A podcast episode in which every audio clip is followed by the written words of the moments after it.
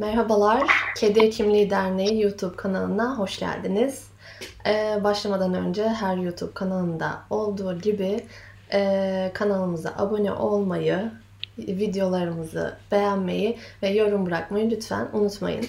E, bu bizim e, YouTube'daki ilk videomuz aynı zamanda da ilk canlı yayınımız oluyor. O yüzden birazcık tabii ki de heyecan var. Şimdiden e, kusura bakmayın aksaklıklar içinde.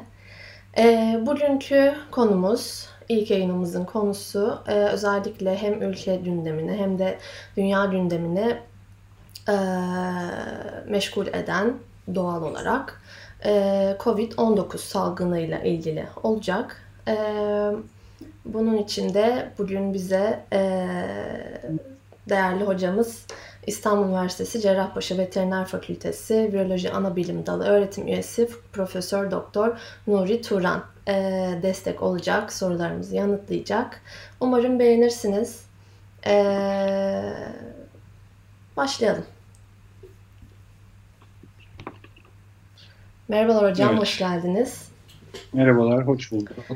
Öncelikle e, Dünya Veteriner Hekimler Gününüz kutlu olsun sizlerin ve bütün meslektaşlarımızın. E, evet, ben de bütün çocuklarımın e, Dünya Veteriner Hekimler Günü'nü kutluyorum.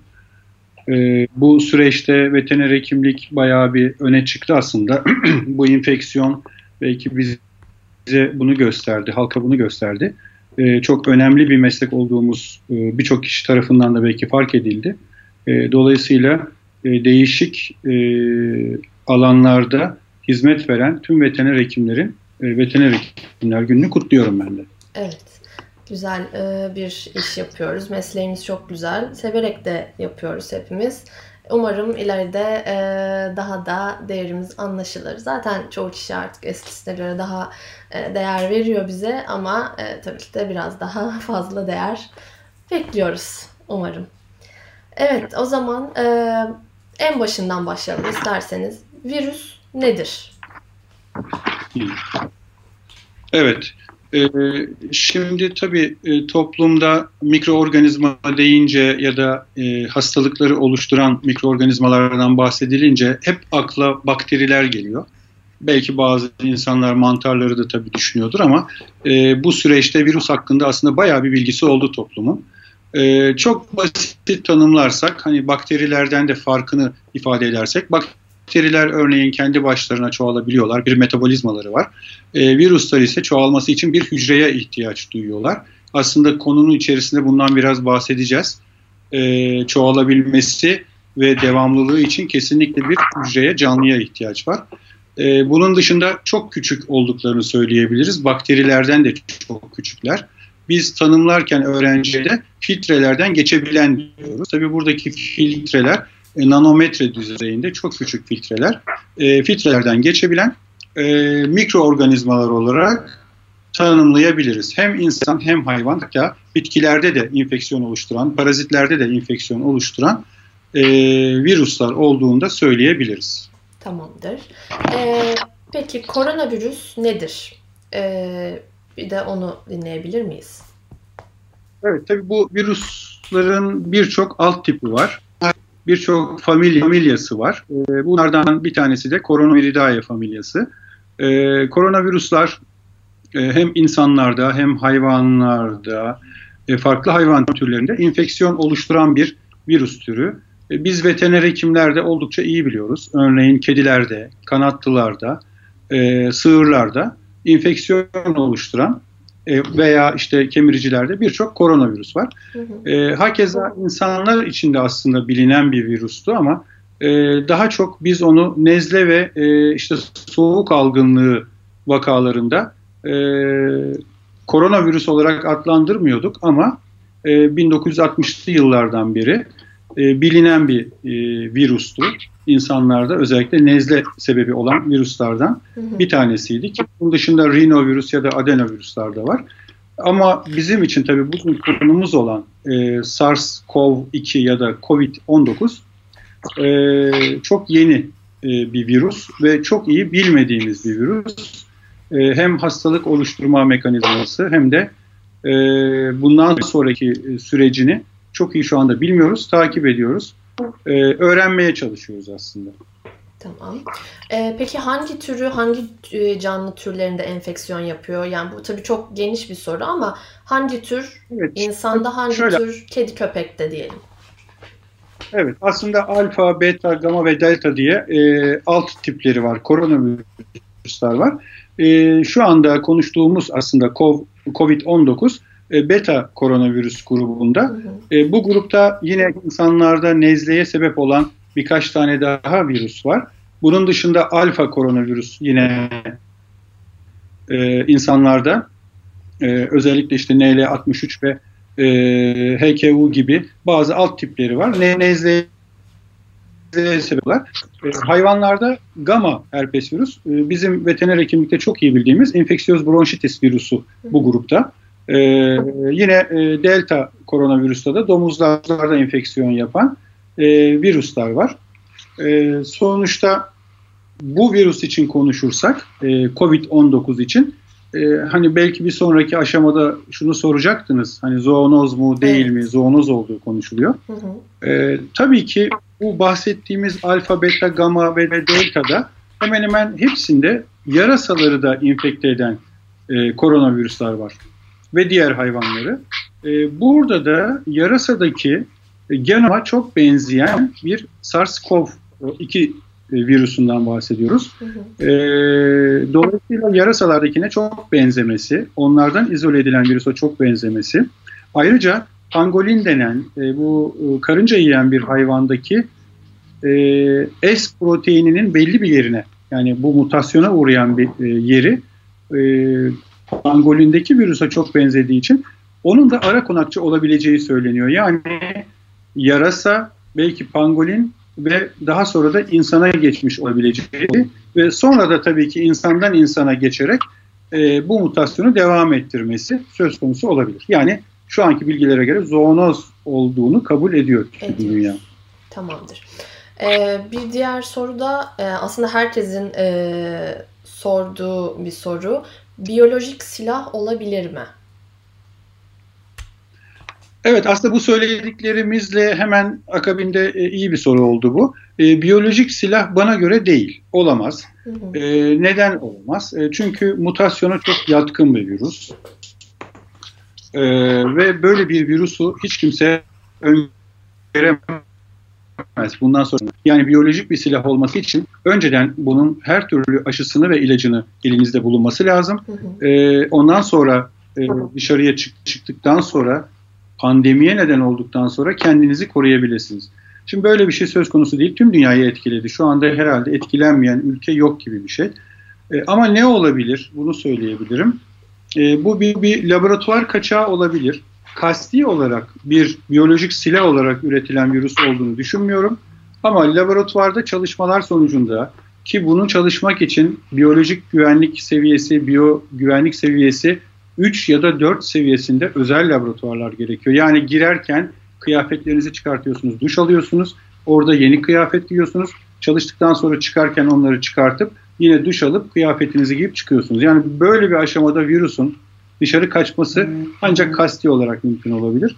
Ee, o yüzden biyolojik silah olduğunu düşünmüyorum. Biyolojik silah yapılmış yapmak istense herhalde influenza ya da korona ile yapılmaz. Çok daha e, farklı virüsler var.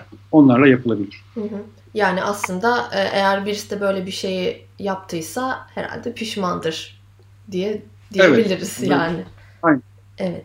E, peki etken özellikleri nedir? Dış ortamda ne kadar canlı kalabilir? Havada asılı kalabilir mi? Havayla bulaşır mı? Güneşte evet. inaktif olabilir mi? Dezenfektanlara karşı dayanıklı mıdır? Hangi yüzeylerde daha uzun süre kalabilir?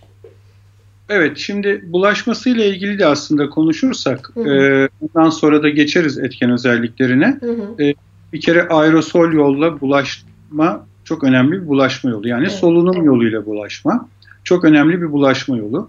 Dolayısıyla solunumla çıkan e, solunum sıvılarıyla, öksürük ya da hapşırıkla çevre kontamine olabilir. E, kontamine oldu, olan yüzeyler, malzemeler, e, kıyafetler, Hepsi tabii soru işareti. Bunların üzerinde ne kadar süre kalabildiği e, hep tartışılıyor ve söyleniyor. Hı hı. E, bununla ilgili e, tabii farklı görüşler var ama genellikle e, örneğin kağıt üzerinde ya da bakır üzerinde sadece birkaç saat, 3-4 saat kaldığı söyleniyor. E, e, çelikte ya da plastikte 4-5 saat kaldığı söyleniyordu şu ana kadar. E, ancak e, son Lancet Microm, e, Mikro, e, Microbiome diye bir e, dergi var. E, bu Lancet Micro e, özellikle e, yüksek impact faktörü olan değerli bir e, journal, e, dergi. Dolayısıyla yayınlanan veriler aslında güvenilir veri, e, güvenilir veriler olduğunu söyleyebiliriz. Hı hı. E, ve bu süre biraz daha uzun olduğunu aslında söylüyor. Yani paslanmaz çelikte 4 gün değil de 7 gün kadar kalabildiği söyleniyor. E, plastikte yine 4 gün, camda 4 gün kadar, e, kumaşta 4 gün kadar e, e, kalabildiği söyleniyor ve dezenfektanlara karşı duyarlı olan bir virüs aslında. Bu amaçla e, alkol ya da e, çamaşır suyu e, kullanılabilir. Özellikle yüzey ve yer dezenfeksiyonu olarak çamaşır suyu kullanılabilir. Hakeza alkol de kullanılabiliyor. E, virüsün özelliklerini anlatırken e, belki atladık ama e, bu zarflı bir virüs yani dış yüzeyinde lipid olan bir virüs. Dolayısıyla bu lipid alkolle rahatlıkla eriyebiliyor ya da e, çamaşır suyuyla ve diğer dezenfektanlarla. Yani dezenfektanlara duyarlı, kolayca inaktif olabilen 1 ile 5 dakika arasında inaktive olabiliyor. Kullandığınız dezenfektanın tabi konsantrasyonu da önemli, etki süresi önemli. Buna göre kolaylıkla e, inaktive olabiliyor. Evet, o dediğiniz e, çalışmayı da ben ekrana yansıttım. E, bu nedir diye soranlar, demin hocamızın evet. bahsettiği çalışmanın e, böyle bir e, yayınlamışlar. Ee, peki hemen e, bu konuyla alakalı bir soru geldi. Onu da cevaplayabilirsek. Ee, Trump dün e, bildiğiniz gibi oral veya e, deri altı ya da intravenöz olarak e, ticari dezenfektanları, çamaşır sularını neden e, enjekte etmiyoruz maden dış yüzeylerde çalışıyor diye bir yorum yapmıştı. E, bunu da cevaplayabilirsek yani böyle bir şey yapılabilir mi, yapılamaz mı? Aslında bu hiç cevaplamaya değmez bir görüş. Hı hı. E, Trump'tan beklenen bir saçmalık bence. Böyle bir şey söz konusu olamaz tabii ki. Hı hı. Çünkü e, bu tür maddelerin e, bırakın enjekte edilmesi deride bile kullanılması çamaşır suyunun çok sağlıklı değil. Hı hı. E, bunu hücrenin içerisine organizmanın içerisine verilmesi tabii ki mümkün değil. E, bunun için antiviral çalışmaları e, ve işte e, aşı çalışmaları ya da başka immün serum vesaire bunlar var. E, yani bu tür dezenfektan ya da zararlı maddelerin organizmaya verilmesi kesinlikle e, düşünülemeyecek bir e, görüş. Evet e, son derece yanlış bir görüş. Evet. E, tabii ki onun bilgisizliğiyle ilgili bir durum bence. Evet. Yani. Ee, bir de e, soruları o zaman ben sona bırakmayı düşünmüştüm ama e, sanırım böyle soruldukça cevaplasak cevaplayabilir miyiz? Tamamdır. Ee, Olur. Felin korona ve SARS koronavirüs genomları arasındaki benzerlik ne ölçüde acaba diye bir soru gelmiş en başlarda. Çok az. Ee, yani zaten biri e, beta, biri gamma e, koronavirüs ama onun dışında genom benzerlikleri çok az. E, sanıyorum yani şu anda yüzde yüz emin değilim ama yüzde otuz yedilerde falan yüzde ellinin altında e, hemen hiç benzemiyor. Hani bunun arkasından şu gelebilir hayvanlardaki aşılar acaba insanda çalışmaz mı gibi böyle bir düşünce olabilir. Bu mümkün değil kesinlikle. E, zira e, aynı virüsün farklı subtipleriyle bile çalışma şansı çok az. Çünkü antijenik değişikliğe uğruyor. E, ona karşı koruma olmuyor. E, hakikat, e, bir de e, şöyle düşünelim diyoruz ki toplumsal bir bağışıklık oluşursa e, belki pandemi kontrol altına alınabilir. O zaman e, konunun ilk başında bahsettiğim insanlarda infeksiyona neden olan e, 4 tane daha soğuk algınlığı ve nezleye neden olan virüsler var. Hı. Ve hemen hemen hepimiz nezle olduk algınlığında. Bu virüslerle karşılaştık ve bunlara karşı az ya da çok bir antikor taşıyoruzdur. E, ama e, kesinlikle buna karşı bir koruma söz konusu değil. E, eğer böyle bir soru işareti varsa kafalarında bu mümkün değil. Hı hı. Çok uzak bir genomik. Tamamdır. Ee, bir diğer soru, sürü bağışıklığını doğru buluyor musunuz? Örneğin hala İsveç bu politikayı uyguluyor. Ne düşünüyorsunuz hocam? diye sormuşlar. Evet yani bunu İngiltere denedi. Ee, İsveç belki şöyle yapıyordur. Bu sosyal mesafeyi çok iyi koruyor olabilirler. Ee, bilemiyorum ama e, bu çok doğru olmadığı ortaya çıktı aslında. Birkaç tane belki e, ülkede ya da bölgede, coğrafyada çalışıyor, olabilir. Belki o araştırılması gereken bir konu ama geneline baktığımızda İngiltere zaten hemen vazgeçti. Amerika keza hemen vazgeçti ve onlardaki durum şu anda kontrol e, çok zor kontrol edilebilir bir aşamada. E, o yüzden bunu doğru bulmuyorum ama zamana yayarak e, zaman içerisinde oluşan bir e, sürü ya da popülasyon bağışıklığının işe yarayabileceğini düşünüyorum. E, bununla da ilgili aslında soru işaretleri var. Yani e, daha sonra aşıyla da ilgili konuşacağız ama oluşan antikor seviyesinin ne kadar süre koruduğunu da bilmiyoruz. Hı hı. E, sürü bağışıklığı ki biz buna cross reaksiyon ya da cross koruma, çapraz koruma diyoruz. Bir miktar çapraz koruma olabilir ama bu virüs mutasyona tekrar uğradığında e, yine de belki iyi bir koruma sağlayamayacak. Yani e, sürü bağışıklığı belki yeterli de olmayacak. Bu durumu bilemiyoruz. Hakeza influenza'nın aşısı var biliyorsunuz ama sürekli virüs kendini değiştiriyor. Ve değişen virüse karşı mecburen yeni bir aşı geliştirmek zorunda kalınıyor. Aynı şey burada da olabilir. Hı hı. Ee, yani bu konudaki yorumum böyle olacak. Tamamdır. Bir de e, ben de bu soruya bağlantılı bir soru sorayım. Şimdi İsveç dendi. E, bu ilk başta çıktığında koronavirüs işte soğuk ülkelerde daha zor yayılabilir tarzında yorumlar yapılmıştı. Böyle bir şey var mı acaba? Soğuk sıcak yani ülkenin ee, e, iklimi etkiliyor mu bunu? Evet. Şimdi şöyle aslında şöyle denmişti hatırlarsanız ilk çıktığında yazın e, bu virüs kontrol altına alınabilir. Hı. Çünkü yazın sıcaklar olacak. Sıcak artınca e, virüsler daha kolay inaktive olacak. Çünkü az önce söylediğimiz gibi lipid var dışında güneş ışığından çok kolay etkilenebilir. Ultraviyoleden çok kolay e, etkilenebilir ve inaktif hale gelebilir. Hı hı. E, dolayısıyla ısı ve işte ultraviyole e, çabucak inaktive ederse de virüs kısa sürede kontrol altına alınabilir infeksiyon ya da virüs. Bu şekilde bir görüş vardı. Çok yanlış bir görüş değil, belki ama e, öte yandan tabii ki yeterli değil. Soğukta virüsün daha uzun süre kal, e, canlı ya da aktif kaldığını biliyoruz. E, ama sıcak ülkelerde de bu infeksiyon olabiliyor. E, zira ilk başta tanımda ne dedik? Virüs canlıya ihtiyaç duyuyor çoğalmak için. Evet dış ortamdaki virüs kolayca inaktive olabilir, ölebilir ama sonuçta canlının içerisinde virüs var ve aynı ortamda bulunan başka bir canlıya kolayca temasla ya da e, aerojen yolla yani solunum yoluyla bulaştırabiliyorsunuz.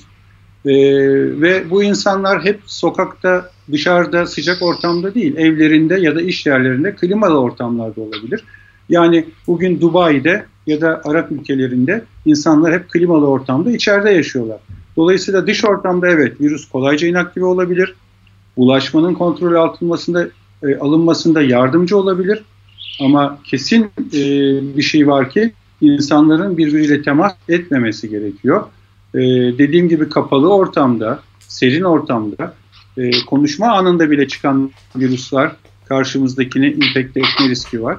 E, işte belki soru da sorulabilir. Geçen bir, e, bir yerde okumuştum. Klima ile ilgili durum. Klimada virüs belki kalmaz ama bulunduğunuz ortamda klima üflediği için virüsü her tarafa e, dağıtabilir ve rahatlıkla e, havada e, dolaşmasını sağlayabilir. Başka insanlara bulaşmasına neden olabilir. Yani demek istediğim evet sıcakta daha çabuk inaktive olacaktır ama insanların birbiriyle temas ettiği müddetçe sıcak ülkelerde de infeksiyon devam etme şansı çok yüksek. Tamam.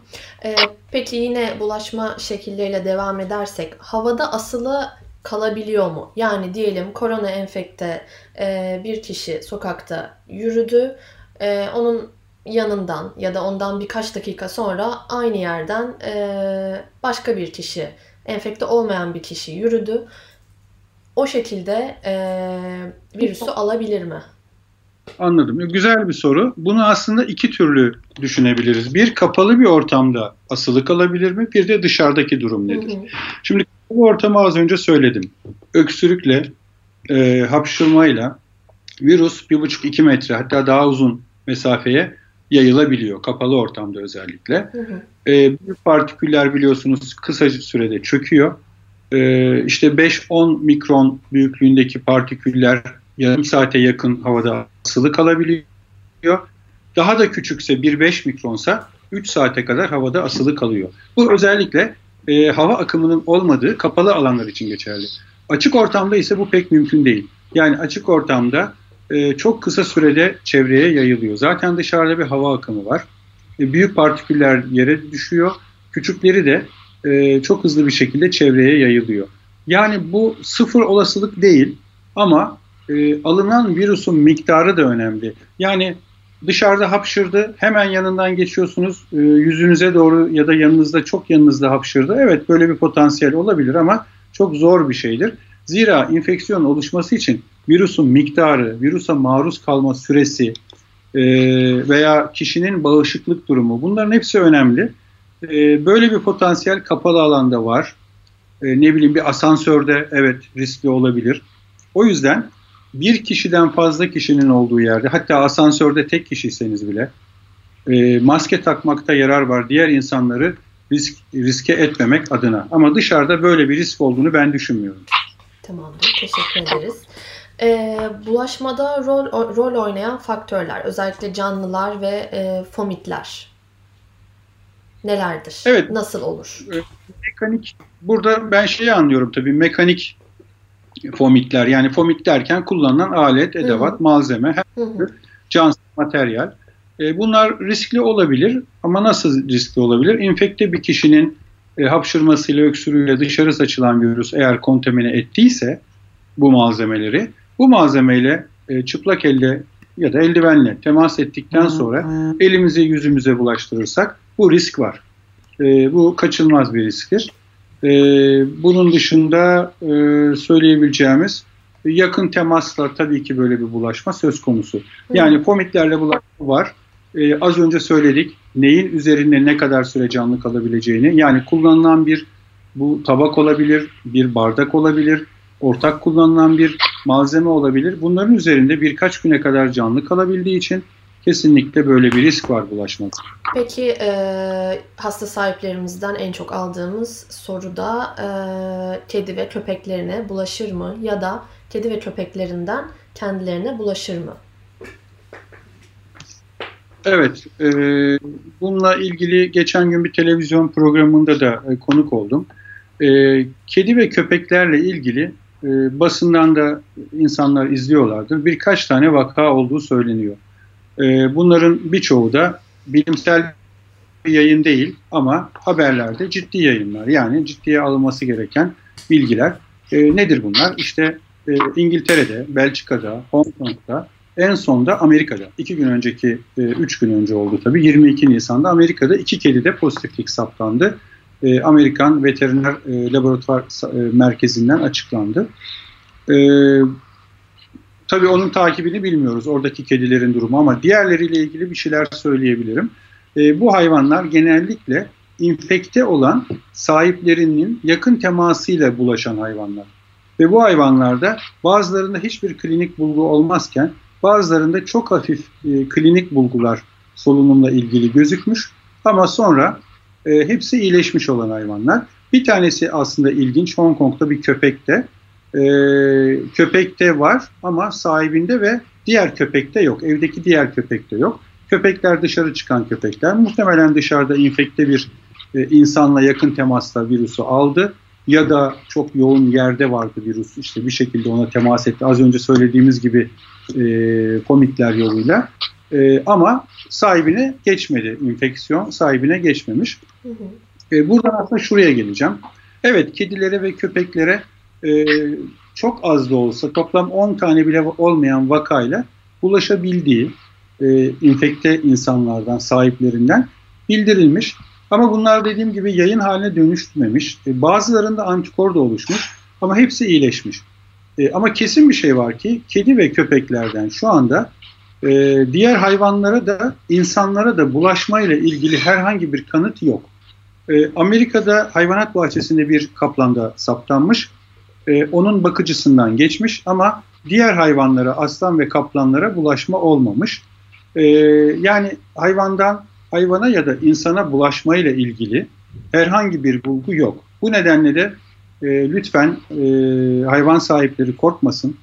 E, zira e, bununla ilgili e, İngiltere'de ve Amerika'daki bilim adamlarının da e, veteriner e, hekimlerin ve bu konudaki işte e, kuruluşların da önerisi hasta bile olsa hayvanınız kesinlikle sokağa atma ya da işte zaten gerçek bir hayvan sahibi bunu yapmaz. Sonuçta onu çocuğu gibi görüyor.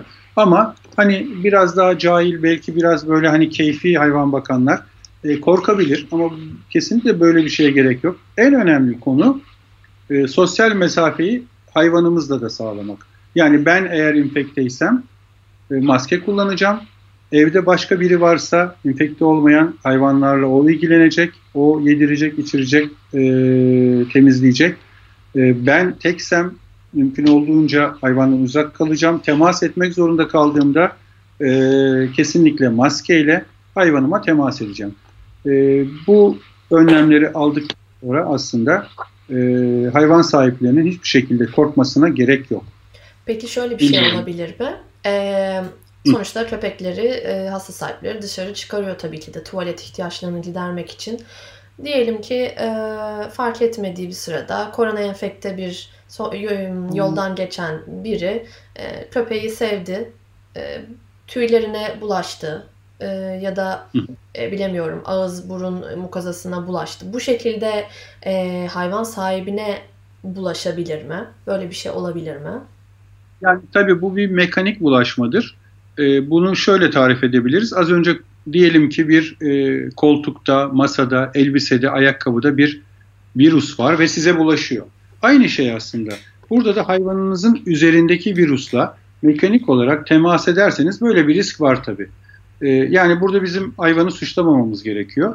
Yapmamız gereken en basit örnek e, uygulama. Hayvan evimize tekrar girerken e, patilerini güzelce sabunlu suyla veya alkollü e, kolonya gibi bir şeyle silmek, temizlemek. E, bunun dışında e, herhangi bir şekilde e, özel bir uygulamaya gerek yok. Mesela İngiltere'de duydum çok saçma bir şey ki hani gelişmiş bir ülke. insanlar çamaşır suyuyla hayvanlarına muamele yapmışlar. Bu çok yanlış bir şey. Bu şeyleri kesinlikle dezenfektanları hani buradan yine Amerikan başkanına gelirsek böyle bir uygulama kesinlikle yanlış.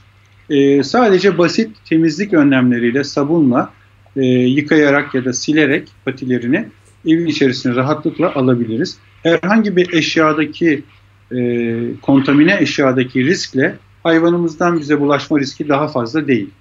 E, o yüzden çok korkmaya gerek yok. Tamamdır. Ee, bir diğer e, soru da marketten alınan ürünlerle ilgili. Çünkü genel olarak e, marketten alınan paketli ürünleri insanların e, eve sokmadan bir süre balkonda beklettiği, güneşte beklettiği ya da eve sokuyorsa da e, paketi yıkadığını duyuyoruz. Böyle bir şey yapılmasına gerek var mıdır? Yapılmalı mı? Şimdi şöyle ben e, bizim evdeki uygulamayı söyleyeyim. Markete gidersek eşimle birlikte geldiğimizde eşim çok daha duyarlı bu konuda. E, kesinlikle öncelikle bir balkona koyuyoruz. Hı hı. E, aslında daha geriden başlarsak ayakkabılar çok daha riskli. Hı. Çünkü ayakkabının altında virüsü eve sokabiliriz. E, ayakkabıyı dışarıda bıraktıktan sonra özel bir yere e, ben örneğin bir kutusu var kutuya koyuyorum kapalı bir yere. E, bu kontaminasyonun önüne geçmiş oluyoruz. E, diğer alışverişe gelince e, eğer e, dolaba koyacağımız ve hani uzun süre dışarıda kalmayacak bir ürünse hayvansal ürün olabilir et vesaire. E, eğer paketli ise evet paketini sonuçta orada çalışan insanlar evet eldiven kullanıyorlar, maske kullanıyorlar. Maskede sorun yok ama eldivenin e, bir sürü ile de temas ediyorlar ve eminim ki o eldivenleri sık sık değiştirmiyorlar. Bu nedenle bir e, kontamine edebilirler. Ya da e, müşteriler bu e, alışveriş yaptıkları malzemeleri elliyorlar, belki hapşırıyor vesaire. Mekanik bir bulaşma olabilir. O yüzden eve gelindiğinde aslında e, böyle bir sabunlu bezle ne bileyim bir şişe ise bir e, kola şişesi ise açıktan aldıysanız paketli değilse bir sudan geçirmekte yarar var. Bunun hiçbir zararı olmaz. E, onun dışında paketli ürünleri bu şekilde sudan hani hafif sabunlu sudan geçirebilirsiniz. Kuruladıktan sonra dolaba ya da yerine koyabilirsiniz. Bunları yapmakta yarar var çünkü bilemiyoruz. Yani insanların nasıl hareket ettiğini bilemiyoruz. Çok yanlış bir uygulama değil. Biz de evimizde bu uygulamayı yapıyoruz. Hı hı. Ee, sebze meyvelerde tabii biraz daha sıkıntı olabilir. Çiğ yeniyorsa eğer sıkıntı olabilir. Çiğ yenenleri daha iyi yıkamakta yarar var. Ee, mümkünse kabuğunu soyduktan sonra yemekte yarar var. Sebzeler zaten pişiyorlar birçoğu. Ee, pişen sebzelerde herhangi bir şekilde ya da hayvansal ürünler pişirilerek yapılan yemeklerde hiçbir risk olmadığını rahatlıkla söyleyebiliriz. Çünkü az önce aslında söylediğiniz eksik kaldı ama e, dış ortamda canlı kalma sürelerini söylerken 60 e, derecenin üzerinde birkaç dakikada inaktive oluyor. Kaldı ki biz yemekleri pişiriyoruz hatta kaynatıyoruz. Bu ısılarda virüsün kalma şansı hiçbir şekilde yok. Sadece e, belki pişmeden yapılan salatalarda falan bir risk olabilir. Onu da çok iyi yıkayarak yaparsak o riski e, en aza indirmiş oluruz, sıfıra indirmiş oluruz. Tamamdır. Ee, peki semptomları nelerdir e, koronavirüsün ya, yaygın ve seyrek olarak? Biz biliyoruz zaten genel olarak öksürük evet. ve ateş e, çok sık duyuyoruz evet, evet. ama e, çoğunluğu %80-85'i biliyorsunuz ilk günden beri söylenen asemptomatik. Yani semptom göstermiyor, klinik bulgu göstermiyor. Hı hı. Bunun dışında e, grip benzeri semptomlarla aslında seyrediyor. Yani baş ağrısı olabiliyor, öksürük olabiliyor, ateş olabiliyor. Ama bizim için en önemli, hem bunun dışında az miktarda da olsa e, sindirim sistemi bozuklukları da gözükebiliyor. Yani ishal de gözükebiliyor ve dışkıyla da bulaşabiliyor. Onu da söyleyelim. Solunum yolu enfeksiyonu olmasına rağmen e, çünkü e, virüsün e, reseptörleri e, akciğerdeki ACE2 reseptörlerine bağlanıyor. Ama onun dışında organizmada o reseptörlerin bulunduğu bir sürü organ var. Kalp var, böbrek var ve damar endoteli var, intestin var, bağırsaklar var. Dolayısıyla bir şekilde bu organlarda etkileniyor olabilir. E, viremi eğer oluşursa viremiden sonra bu organlara da gidebilir. E, evet, e, sorumuz neydi? Ee, yaygın ve seyrek semptomlar. Ha, buna bağlı olarak işte e, en önemli e, tabii ki ACE2 reseptörünün olduğu organ e, akciğer ve akciğerdeki lezyonlar ve semptomlar e, bizi çok ilgilendiriyor. E, ateş %80'in üzerinde vakada görülüyor. Öksürük de yine %80 e, vakanın üzerinde görülüyor ve bunlardan virüs izole ediliyor ya da genom saptanabiliyor. Viral genom PCR'la saptanabiliyor. E, diğer bulgularda ise değişiklik olabiliyor. Ama bizim açımızdan en önemli bulgu artık bunu herkes de öğrendi zaten. Ateş, öksürük, e, daha az olarak hapşırma e, ama özellikle ateş ve öksürük, e, baş ağrısı ve e, daha az olarak da e, ishal. Son zamanlarda e, sinirsel semptomda yapabileceğiyle ilgili de e, bilgiler var. Var. Tamamdır. Var. Ee, peki enfekte olan ve semptom gösterip hastaneye başvuran, daha sonrasında tedavisi yapılan iyileşmiş kişilerde tekrar enfeksiyon olur mu ve başkasına bulaştırır mı? Yani hala virüsü saçmaya devam eder mi? Kaç gün devam eder? Ve bağışıklık oluşuyor mu? Evet, bu da güzel bir soru. E, tabii sürü bağışıklığını sağlamak için bağışıklık olmasını istiyoruz. E, bir antikor olduğunu kesin biliyoruz. Antikor oluşuyor. Yaklaşık 7-8 günde e, IgG antikorları oluşuyor. Yaklaşık e, 28. günde de pik seviyeye çıkıyor. Ondan sonra da yavaş yavaş azalmaya başlıyor. E, ama ne kadar sürüyor tam olarak bunu bilmiyoruz. Yani şu anda zaten çok iyi bildiğimiz bir hastalık değil. Süreç de devam ediyor. Ama antikor oluşuyor e, ve iyileşme gerçekleşiyor.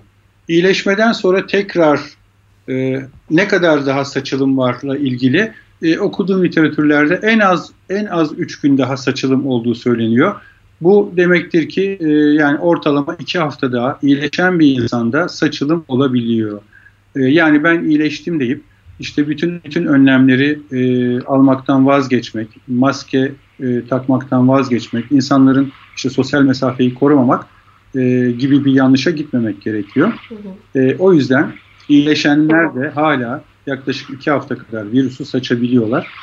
E, bu belki de daha uzun, daha uzun olabilir. İncelenmesi gereken bir durum tabii ki. Hı hı. Ama bildiğimiz kadarıyla 3 günle 2 hafta arasında saçım devam ediyor.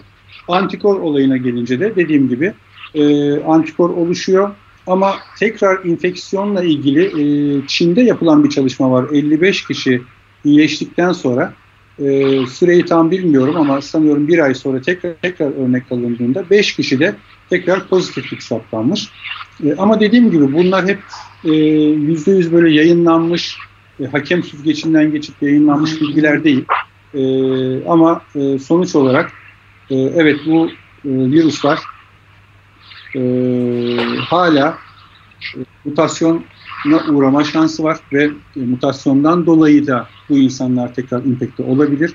E, ama genel olarak bağışıklık süresinin ne kadar olduğu, ne kadar süreceğini bilmiyoruz.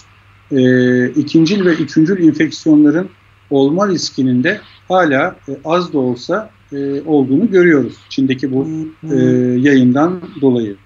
O zaman mutasyona uğruyor diyebilir miyiz?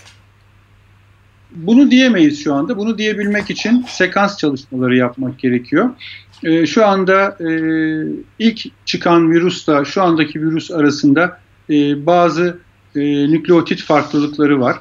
E, geçen bir yayın okudum. Yaklaşık 12 tane nükleotitin değiştiğini söylemişler. Nedir nükleotit? Yani işte 30 bin tane nükleotit var yaklaşık üzerinde. E, bunun e, bu kadar sürede e, bir kısmı özellikle S proteinin üzerinde yani bu hem vücuda organizmaya hücreye tutunan giren hem de antijeniteyi sağlayan proteini en önemli proteini bu protein üzerinde yaklaşık 12 tane nükleotit değişmiş. Bu değişiklik ne ifade eder? Bunu şu anda söylemek çok kolay değil. Biz veteriner hekimlerin şöyle bir avantajı var. Hemen deneysel bir tabi etik kurulu onayı aldıktan sonra deneysel çalışma yapabiliyoruz ve hayvanlar üzerinde fare ya da işte domuz ya da gelinciklerde neyse deneysel çalışmayla bunu ortaya koyabiliyoruz. İnsanda böyle bir deneysel çalışma yapılamayacağı için e, çok doğru yorum yapmak biraz zor. E, ama e, virüs değişime uğruyor ama uğra, bu değişimin şu anda e, çok fazla etkili olmadığını söyleyebiliriz. Mutasyonun e, devam ettiğini söyleyebiliriz. Ama dediğim gibi iyileşen bir insan mutasyona uğramış başka bir suçla infekte olabilir. Böyle bir potansiyel var. E, bunu da unutmamak gerekir.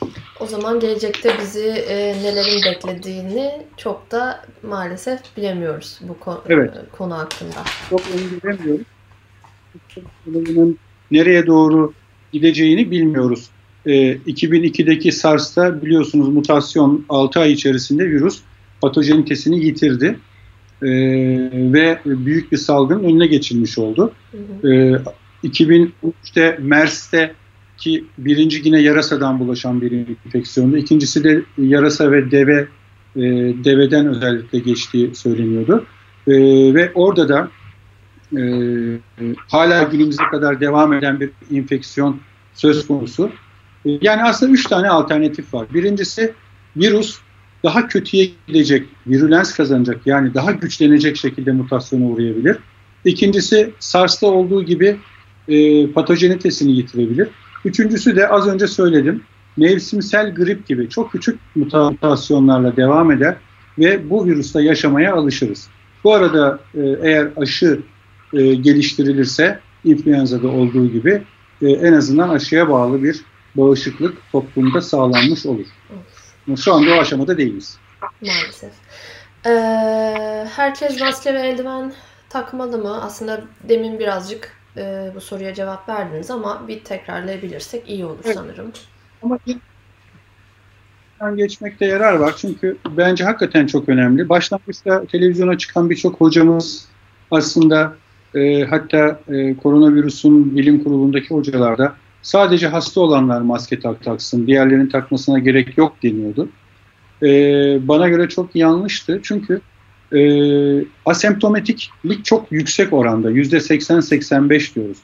Dolayısıyla ben belki klinik tablo göstermiyorum ama asemptomatik taşıyıcı olabilirim. O yüzden kesinlikle birden fazla kişinin olduğu her yerde maskeyi herkesin takması gerekir.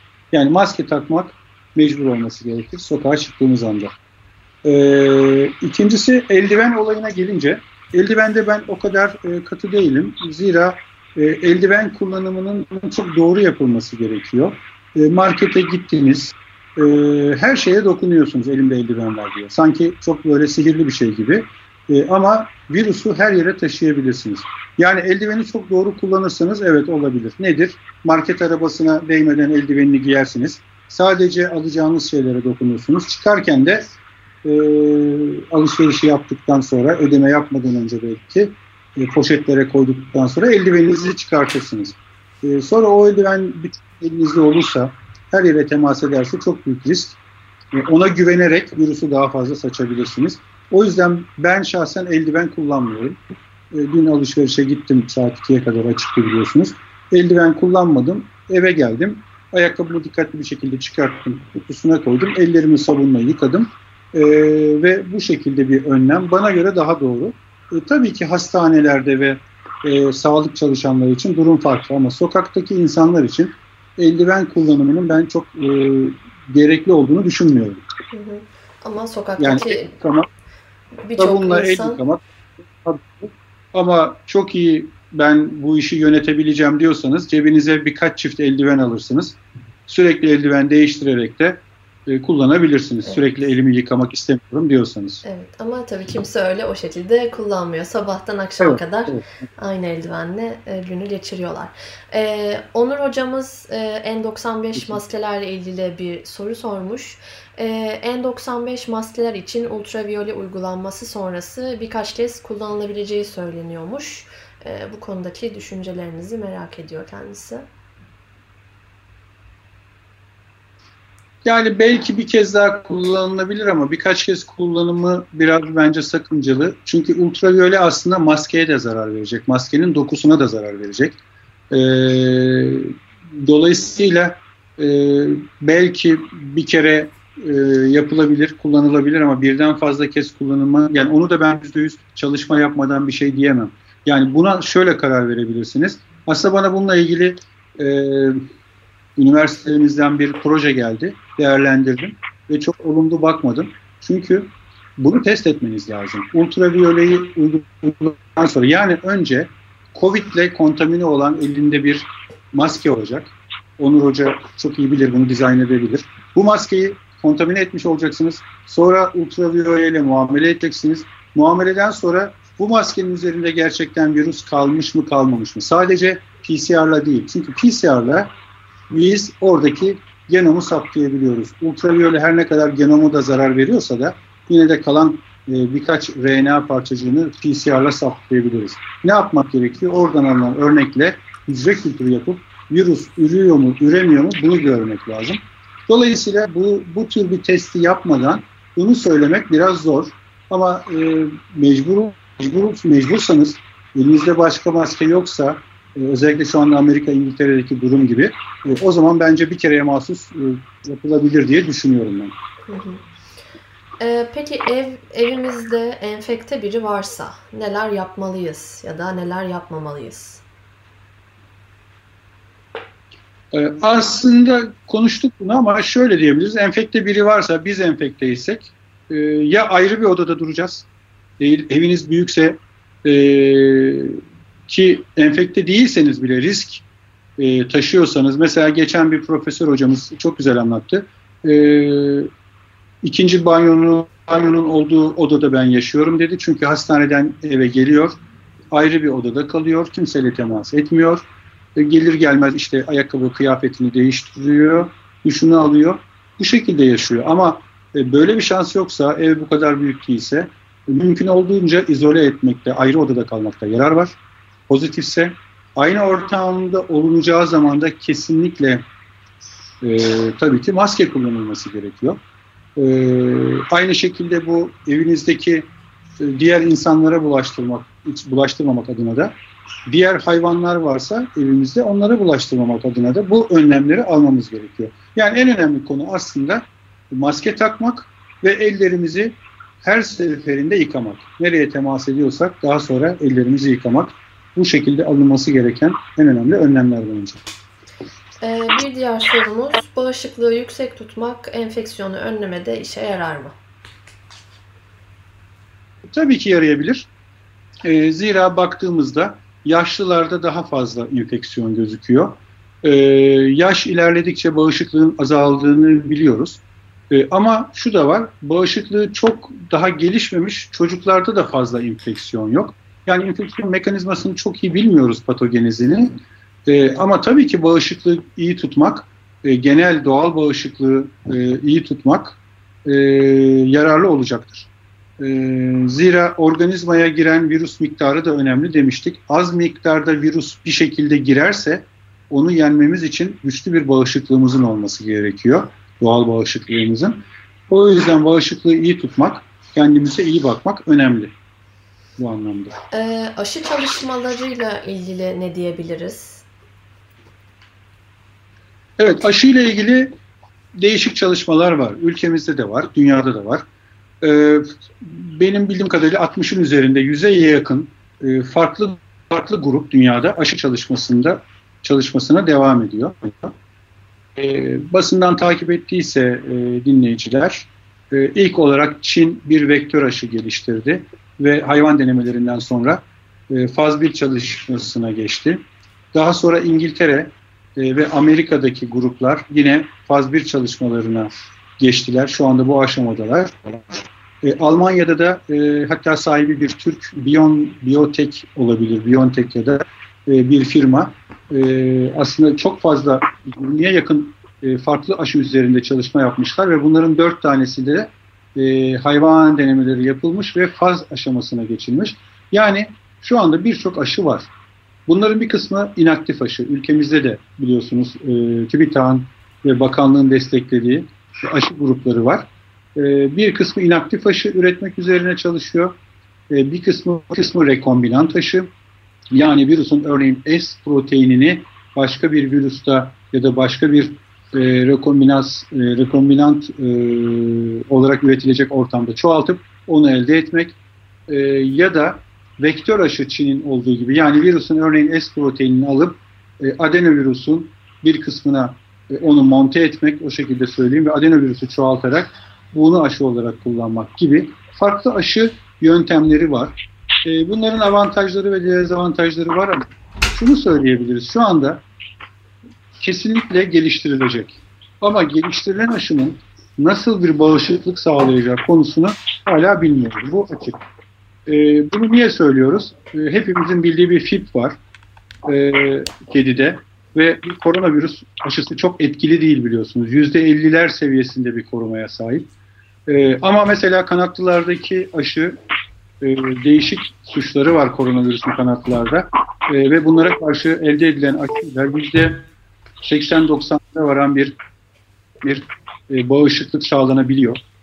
E, hakeza sığırlarda e, enterit yapan e, bir virüs ve sığırlarda aşısı var e, gibi. Yani farklı hayvanlarda çok da böyle yüzde yüze yüzde doksana yakın bağışıklık sağlanmasa da aşıları var. İnsandaki durumun ne olacağını bilmiyoruz. E, ve koruyuculuk seviyesi hakkında şu anda bir fikir sahibi değiliz. E, bu faz 3 çalışmalarından sonra e, e, nasıl bir tablo ortaya çıkacak onu göreceğiz. Ancak ondan sonra yorum yapabiliriz. Ama şu anda birçok e, kişi, grup aşı çalışmaya devam ediyor ve aşılarını çoğu da geliştirdi.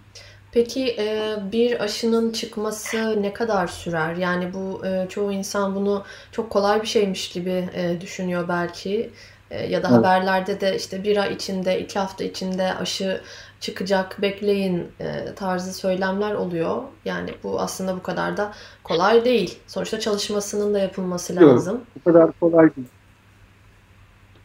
Kesinlikle bu kadar kolay değil. Sadece inaktif aşıyı çok hızlı yapabilirsiniz. Hatta bir hoca, Ercüment Hoca, ben inaktif aşı geliştirdim grubumla dedi e, bir iki gün önce. İnaktif aşıyı üretmek e, kolay yani ilk aşamada. Neden? Virüsü bol miktarda üretiyorsunuz ve bir kimyasalla ya da ısıyla e, onu öldürüyorsunuz ve organ e, adjüvanla birleştirip veriyorsunuz. Ama bu kadar da kolay değil tabii. Yani onun da sonuçta bir sürü güvenilirlik testleri var. Zararsızlık testleri var. E, etkinlik testleri var. Tüm bu testlerden geçtikten sonra lisans alıp aşı yapılabilir. E, ama en hızlı geliştirilebilecek aşı inaktif aşı. E, diğer aşılara gelince e, tabii ki bir teknolojiye gerekiyor ve o teknoloji aslında değişik ülkelerde var ve o aşamayı geçmişler. Mesela mRNA dediğimiz messenger RNA aşısı e, yapmış e, Amerikalılar ve bunu deniyorlar.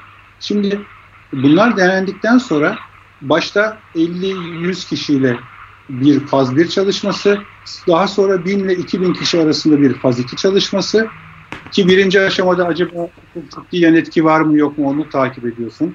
Çok ciddi bir yan etki yoksa ikinci aşamada artık e, hem yan etki hem de oluşan antikor ya da hücresel immüniteye bakıyorsun. Burada da sorun yoksa üçüncü aşamada binlerce insan üzerinde deniyorsun. Ve bu denemelerden sonra işte FDA diyor ki evet bu aşı lisans alabilir ve e, lisanslı olarak, ticari olarak e, satılabilir ya da uygulanabilir. İşte bu aşama en erken bir yıl. Bir yıl belki inaktif aşı için ama diğer aşılar için en az bir buçuk yıl gibi bir süreye ihtiyaç var. Aynı şey aslında antiviraller için de geçerli. Hı hı. O zaman e, minimum bir yıl boyunca daha sosyal mesafe ve maske kullanımına devam edeceğiz sanırım. Hocam bu arada sanırım evet. kameranıza ışık geliyor. Sizin e, yüzünüze etkiledi. Evet tamam. Şimdi evet. oldu. Teşekkür ederim. E, peki tedavide ivermektin, dornaz alfa ve konvalesan plazma etkinliği bunlar hakkında ne diyebilirsiniz? Evet. Şimdi tabii bir rutin bakanlığın uyguladığı antiviral tedaviler var. Ee, biliyorsunuz antiviraller nasıl etkiliyor? Virüs önce hücreye tutunması gerekiyor. Hücreye girecek, işte S proteiniyle tutunacak. Hücrenin içerisine girecek füzyonla bir şekilde. Girdikten sonra hücrenin içerisinde çok olacak, zarar fonksiyonuna zarar verecek hastalık oluşacak. Bu aşamalardan herhangi birini engelleyerek antiviral etki sağlayabilirsiniz. Bu amaçlar e, şu anda e, Türkiye'de dahil olmak üzere dünyanın birçok ülkesinde antiviraller için değişik moleküller geliştirilmeye çalışılıyor. Ama bu belki aşıdan bile uzun sürecek bir süreç. Çok daha zor bir süreç. E, önce bu antiviral molekülleri saptamak, e, saptandıktan sonra da hem laboratuvar şartlarında deneysel aşamalar, deney hayvanları ve faz çalışmaları çok uzun bir süreç. Bunun lisanslanması uzun. O yüzden ne yapılıyor şu anda? Zaten insanların kullandığı bazı antiviraller deniliyor.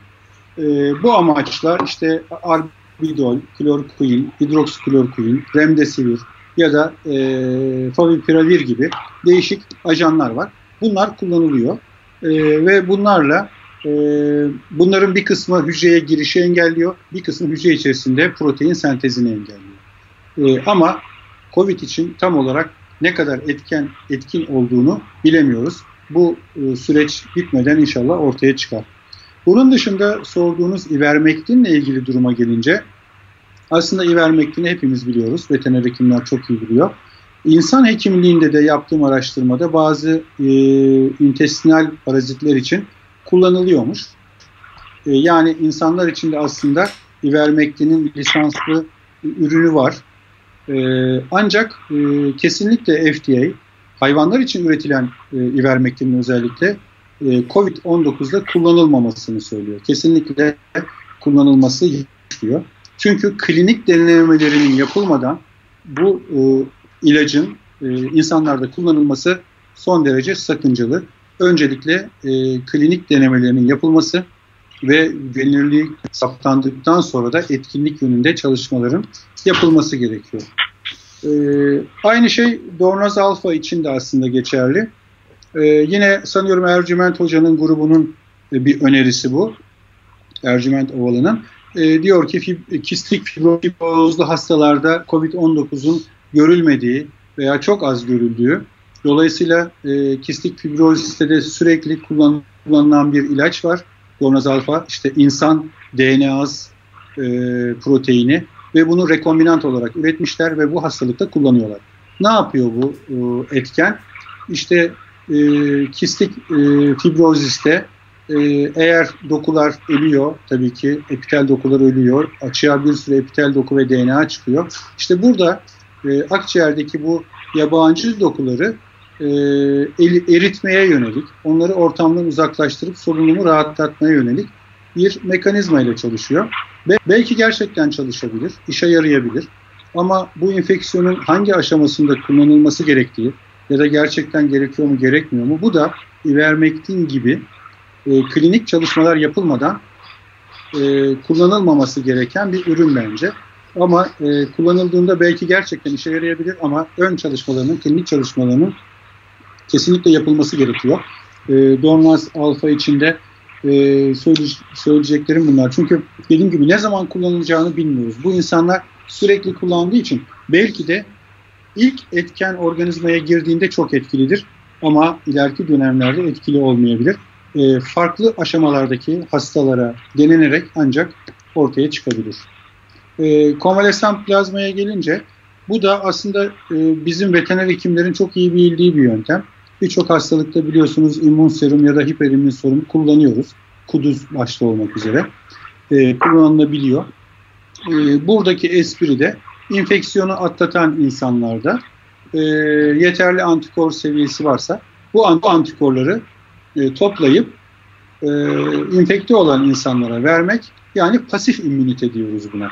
E, infeksiyonu geçiren insandan alınan antikorların e, saflaştırılarak diğer insanlara verilmesi. Burada tabii dikkat edilmesi gereken konu kan grupları.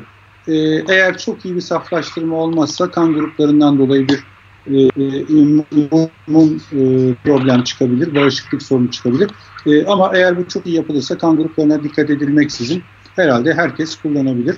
İkinci bir sıkıntı da e, daha çok ileriki dönemlerde kullanılıyor ama enfeksiyon patogenizinde e, çok bahsetmedik.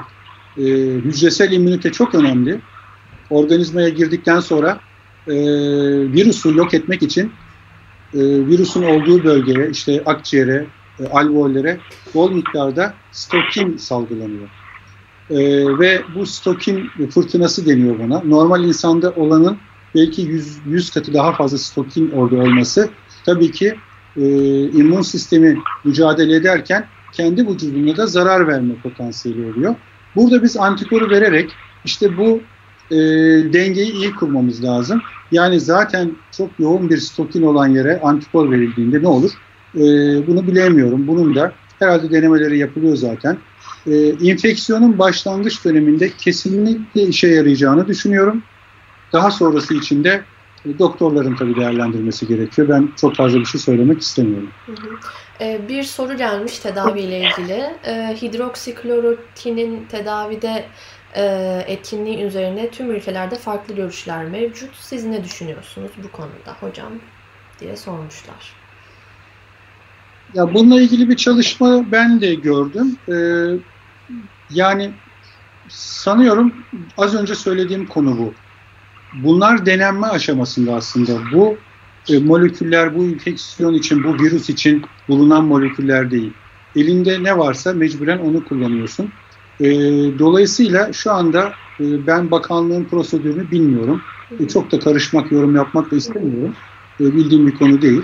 E, o yüzden fazla bir şey söyleyemiyorum. Yani bunların kombinasyonlarının kullanıldığını biliyorum.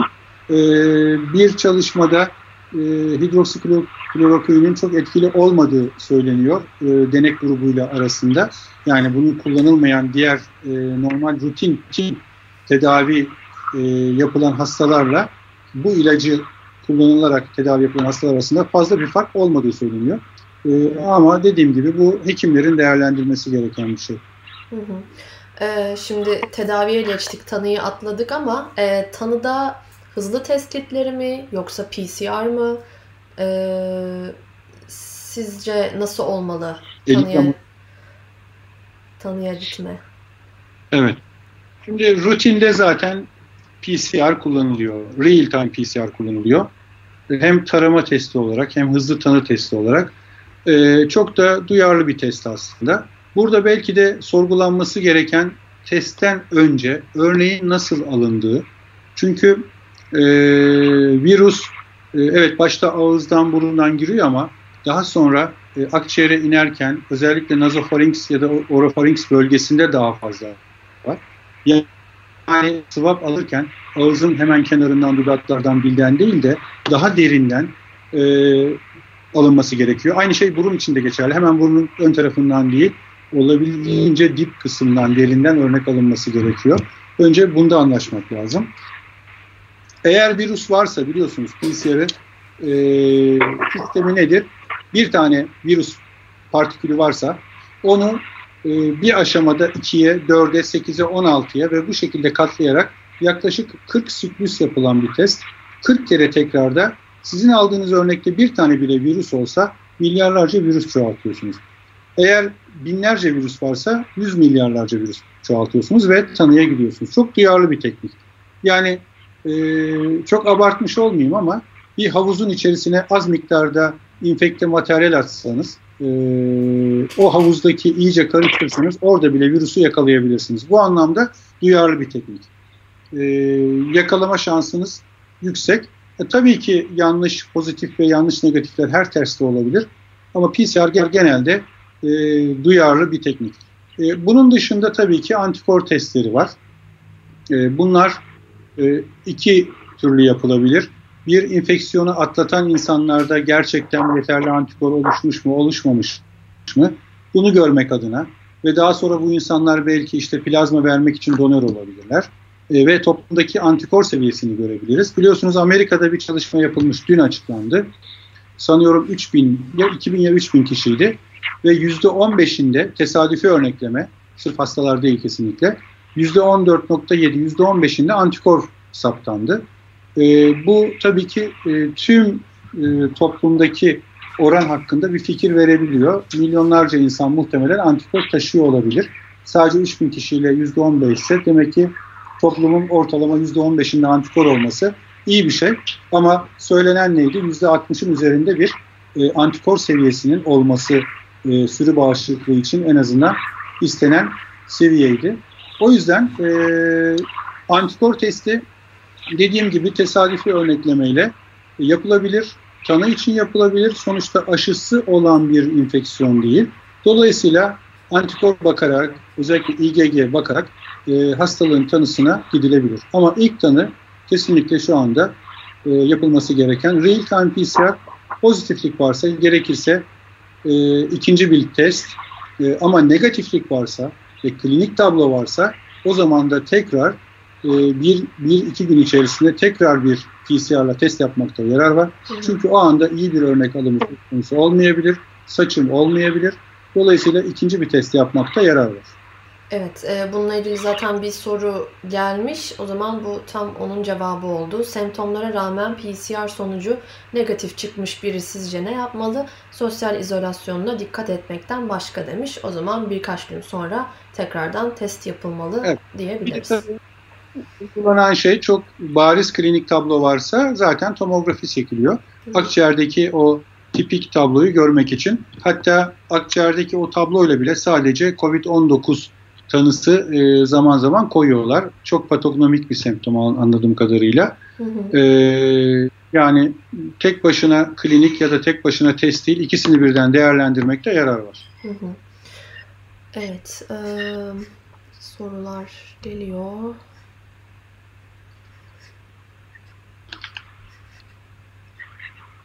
Bağışıklığı güçlendirmek için beta glukan kullanımını önerir misiniz demiş biri.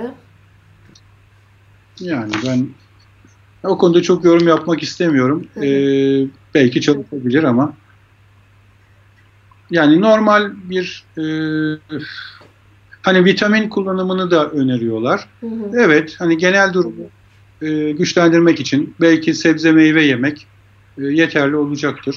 Hı hı. E, bence en önemli konu burada bağışıklığı güçlendirmekten ziyade sosyal mesafenin sağlanması ve bireysel hijyenin e, gerçekleştirilmesi çok daha önemli bence. Evet. Ee, son birkaç sorumuz. Ee, bazı enfekte hastalar hastanelerde 7, 10, 14, 30 gün kalıyor. Bu süre neye göre değişiyor? Hatta 5 günde bile taburcu edilenler var. Evet aslında burada en önemli konu bağışıklık. Az önceki soruyla aslında iletişim e, ilişkili olmuş oldu. Eğer kişinin bağışıklık durumu iyiyse, aldığı virüs miktarı düşükse, virüse maruz kalma süresi kısaysa, e, bunlar belir, belirleyici olabiliyor. Yani bir kere en önemli şey bireysel immünite. Herkes aynı bireysel immüniteye sahip değil. Ee, biz hep işte derslerde de anlatırız. Virüsün alınma yolu ve miktarı çok önemli. Ne kadar miktarda aldınız? O virüse ne kadar süre e, maruz kaldınız? E, ve kişilerle ne kadar yakın kontakta bulundunuz? İşte bunlar aslında enfeksiyonun belirleyicisi oluyor. E, altında yatan başka bir enfeksiyon olmaması, olup olmaması da çok önemli. Çünkü biliyorsunuz ki %80'e yakın kalp ve hiper, hipertansiyon hastaları e, COVID-19 olanlar, yine böbrek hastalıkları, şeker hastalıkları sahip olanlar, yani altta yatan veya kanser e, hastasıysa, altta yatan başka bir kronik hastalık varsa kesinlikle bu iyileşme sürecini çok önemli derecede etkiliyor. E, o yüzden e, buna verilecek cevap herhalde bu olsa gerek. Yani bireysel yanıt, altta yatan başka hastalık var mı? Ne kadar virüs aldı? E, bunlar bunu belirleyebilir. Ve tabii ki uygun, uygun bir tedavi kullanılıp kullanmaması, tedaviye bireysel olarak kısa sürede cevap verip vermemesi bunlar önemli. Hı hı. Ee, bir soru daha gelmiş. Uzun yıllar viral hastalıklarla mücadele eden veteriner hekimler bu hastalıkla mücadelede ön planda olsaydı nasıl bir yol izlerdiniz? Ee, beşeri hekimlikten farklı nasıl strateji izlemek başarı getirirdi diye bir soru gelmiş. Yani bu tabii böyle yoruma açık bir şey ama evet. e, şu anda izlenen belki çok yanlış değil ama e, yani bunun standart bir şeyi var. Önce pandemi değil mi, pandemi mi onu ortaya koymak ve bu ortaya kondu. Yapılması gereken şey kesinlikle aşı ve ilaç geliştirmek. Bununla yönelik çalışmalar var. Ve bu çalışmaların içerisinde veteriner hekimler var. İlk virüsü izole edenler bildiğiniz gibi biri benim Kursal e, Ankara'dan meslektaşım e, Aykut Hoca. Diğeri, diğeri de aslında Elazığ e, Tıp Fakültesi diyor ama Elazığ Veteriner Fakültesinden geçen bir virolog kendisi. O da veteriner hekim. E, Pendik'te de sanıyorum en yakın zamanda izole edilir. Yani şu anda virüsü izole edenler aslında bir, e, veteriner virologlar. E, yani virüsü, aşıyı e, biz e, hekimlerden çok daha iyi biliyoruz. O, o konuda bir sıkıntı yok ve bazı gruplarda veteriner hekimler, hemen hemen bu grupların hepsinde veteriner hekimler var. O yüzden bir sıkıntı yok. E, en kısa sürede de iyi sonuçlar alacaklarına inanıyorum. Ama şu anda uygulanan e, yöntem çok yanlış değil belki. Sadece izolasyonla ilgili veya karantina ile ilgili süreçler daha iyi yönetilebilir. Mesela bu dört günlük süreç bence çok iyiydi. E, o iki tane yarım günü bile keşke yapmasalardı. Çünkü infeksiyonun e, periyodu, inkübasyon süresi 3-5 gün, ortalama 12 gün. E, yani 4 günlük tam bir izolasyon bu enfeksiyon için çok iyi bir fırsat olacaktı aslında. E, gerçi fena da olmadı. Yani tam olmasa da 4 günlük, 3 e, günlük sayalım bir izolasyon olmuş oldu. E, bu da virüsün çevreye yayılması, insandan insana geçmesinde, e, engellenmesinde işe yarayacağını düşünüyorum. Yani tabii en güzel yol yapılabilirse, bu işin ekonomik yönünü eğer sağlayabilirseniz 15 günlük, 14 günlük bir karantina ama bunu yapmak o kadar kolay değil tabii ki. Evet. Ee, Son birkaç tane Instagram'dan gelen sorularımız da var. Ondan sonra zaten e, sizi de çok yorduk. E, evet. Bu esas. E, yani Sorun buna değil. aslında biraz şimdi cevap verdik ama bu virüste mücadelede direkt olarak veteriner virologların başrolü ol, e, başrolü alması gerekmiyor mu diye biri sormuş. Aslında cevap verdik. Ya aslında ama... başroldeler. Şöyle söyleyeyim. Mesela Almanya'da, Almanya'da e, enstitünün başındaki kişi, bakın aşı da üretiliyor ama enstitünün başındaki kişi aslında bir veteriner hekim, virolog. E, Amerika'da da hakeza öyle. Dünyanın birçok yerinde de öyle. Bizim ülkemizde de e, veteriner virologlar aslında destek oluyorlar. Bakanlık da e, bu bilim kurullarındaki veteriner hekim sayısını da arttırdı. Bildiğim kadarıyla 3 kişiyi daha ekledi. E, yani e, fena değil bence. Türkiye'de de dünyada da veteriner hekimler aslında e, bu işin içerisindeler. Bu kadarını söyleyebilirim. Hı hı. E, hasta sahibi COVID pozitif olan... Bizim ilgili bir kit geliştirmeye yönelik bir projemiz geçti bu arada. Hı hı. E, biz de e, antikor kiti geliştirmek için e, bir inşallah bir 7-8 ay içerisinde geliştirmeyi düşünüyoruz. Dediğim gibi bizler de işin içerisindeyiz. Evet. E, hasta sahibi COVID pozitif olan kedilerle ilgili karantina politikaları nasıl olmalıdır? E, demişler. Aslında buna da cevap vermiştik. E, sosyal izolasyon. Evet. Evet, aynen. E, evet, buna da cevap verdik. Eee Hali hazırda antijen bakılıyor. Covid-19 antikor bakılan bir test var mı ya da argesi yapılıyor mu? E, argesi yapılıyor. Bizim projemizde var. Başka projelerde var. E, ayrıca antikor testleri de var zaten. Yani dediğim gibi e, Amerika'da 3000 üzerinde insanda antikor bakıldı. E, bununla ilgili bir sıkıntı yok. Eliza ile e, veya nötralizasyon testleriyle yapılabilir ama nötralizasyon şu anda sıkıntı, sıkıntılı. Hücre kültürüne gerek var ama ELISA oldukça duyarlı. ELISA ile antikor testleri var, yapılabiliyor. Hı hı. Ama duyarlılıkları farklı tabii. Yani bunu sorgularsanız bazılarında %13 yanlış pozitiflik ya da yanlış negatiflik verebiliyor. Bazıları daha da düşük olabiliyor. Ee, tabii ki e, genellikle çift örnekleme yaparak belki e, birkaç hafta sonra, birkaç gün sonra tekrar örnekleme yapılarak antikor testi de aslında değerli bir test. E, dediğim gibi hem hastanın sonraki durumunu takip etmek adına hem de toplumdaki antikor seviyesini görmek adına antikor testleri yapılması gerekiyor. Hı hı. Ee, bir diğer sorumuz, e, Equine koronavirüste beta koronavirüslerden SARS koronavirüs 2 atları enfekte ederse ya da ettiyse bir risk mevcut mudur hocam? Diğer koronavirüslerden farklı riskler taşır mı? Aslında bunu konuşmuştuk. Kediyle ilgili ve şeyle ilgili e, ne sorulmuştu hatırlayamıyorum ama e, kesinlikle böyle bir şey söz konusu değil. Hı hı. Bununla ilgili bir kanıt yok. E, daha fazla yarasalar sorumlu. E, çünkü alfa ve beta e, koronavirüsler yarasa kaynaklı Gama ve deltalar kanatlılar ve kuşlarla kaynaklı daha çok bulaşıyor diğer hayvanlara. E, ve böyle bir kanıt yok şu anda. Yani diğer hayvanlara, sığırlara vesaire bulaşması ve onlardaki nasıl hareket edeceğiyle ilgili e, şu anda hiçbir bulgu yok. E, bir risk oluşturduğunda ben düşünmüyorum zaten. Ha, deneysel olarak e, bazı hayvanlarda oluşturulmuş durumda. E, gelincikte, hamsterda e, laboratuvar hayvanlarında oluşturulmuş durumda. E, ama onlar zaten deneysel amaçla e, patogenez çalışmaları için yapılan çalışmalar. Evet. Ee, son sorumuz. Aynı aileden olsa da farklı türler olan kedi ve köpek koronasına bir şekilde tanışık olan hayvanlarla birlikte yaşayan kişiler COVID-19'a karşı daha dirençli olabilirler mi?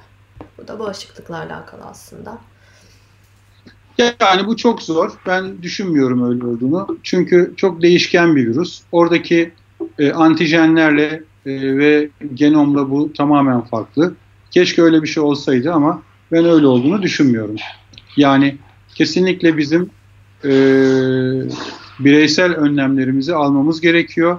E, ben zaten benim kedimde işte e, korona vardı, geçirdi. Ben onunla zaten temas bende antikor var gibi bir düşünce Hı. tamamen e, yanlış bir düşünce. Böyle bir şey konusu değil.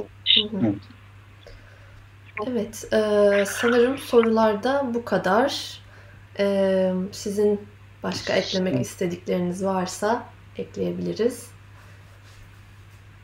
Evet, yani benim aslında herkesten farklı söyleyeceğim fazla bir şey yok. Ee, en önemli konu şu anda madem elimizde aşımız yok e, ve antivirallerle ilgili de evet bir tedavi prosedürümüz var ama kesin bir ilacımız yok. O zaman yapılması gereken e, bu sosyal mesafe, e, özellikle maske kullanımı e, ve hijyen e, el temizliği ve diğer temizliklere dikkat edilmesi şu an için elimizdeki en büyük silah. Çünkü virüsün bu izolasyon eğer gerçekleşirse virüs yaşaması için canlıya ihtiyaç var. Bir canlıdan dışarı çıktığında en fazla birkaç saat, birkaç gün içinde inaktif oluyor. Başka bir canlıya geçmemesi gerekiyor. Bunu nasıl sağlayacağız? İzolasyonla sağlayacağız. O yüzden şu anda elimizdeki tek silah izolasyon veya en önemli silah diyelim. Buna e, dikkat etmemiz gerekiyor. Benim söyleyeceklerim bunlar. Tekrar tüm e, meslektaş meslektaşlarımın da veteriner Dünya Veteriner Hekimler Günü'nü kutluyorum. Evet, tekrardan kutluyoruz. Ee, teşekkür ederiz e, bize verdiğiniz destek için. Ee, o zaman yayınımızı ben, sonlandırabiliriz. Peki, iyi akşamlar. İyi akşamlar hocam. Evet, e, bugünkü yayınımızın sonuna geldik. E, ilk yayınımızdı. Bazı aksaklıklar olmuş olabilir. E, bunlar için şimdiden tekrardan özür dileriz. Umarım beğenmişsinizdir e, ve akıllardaki soru işaretlerini biraz daha giderebilmişizdir. E, tekrardan bütün meslektaşlarımızın Dünya Veteriner Hekimler Günü kutlu olsun diyoruz. Ee, ve yine hatırlatma yapalım. Ee, kanalımıza abone olmayı, videomuzu beğenmeyi ve bildirimlerinizi açmayı lütfen unutmayın. Ee, herkese iyi akşamlar ve iyi hafta sonları diliyoruz.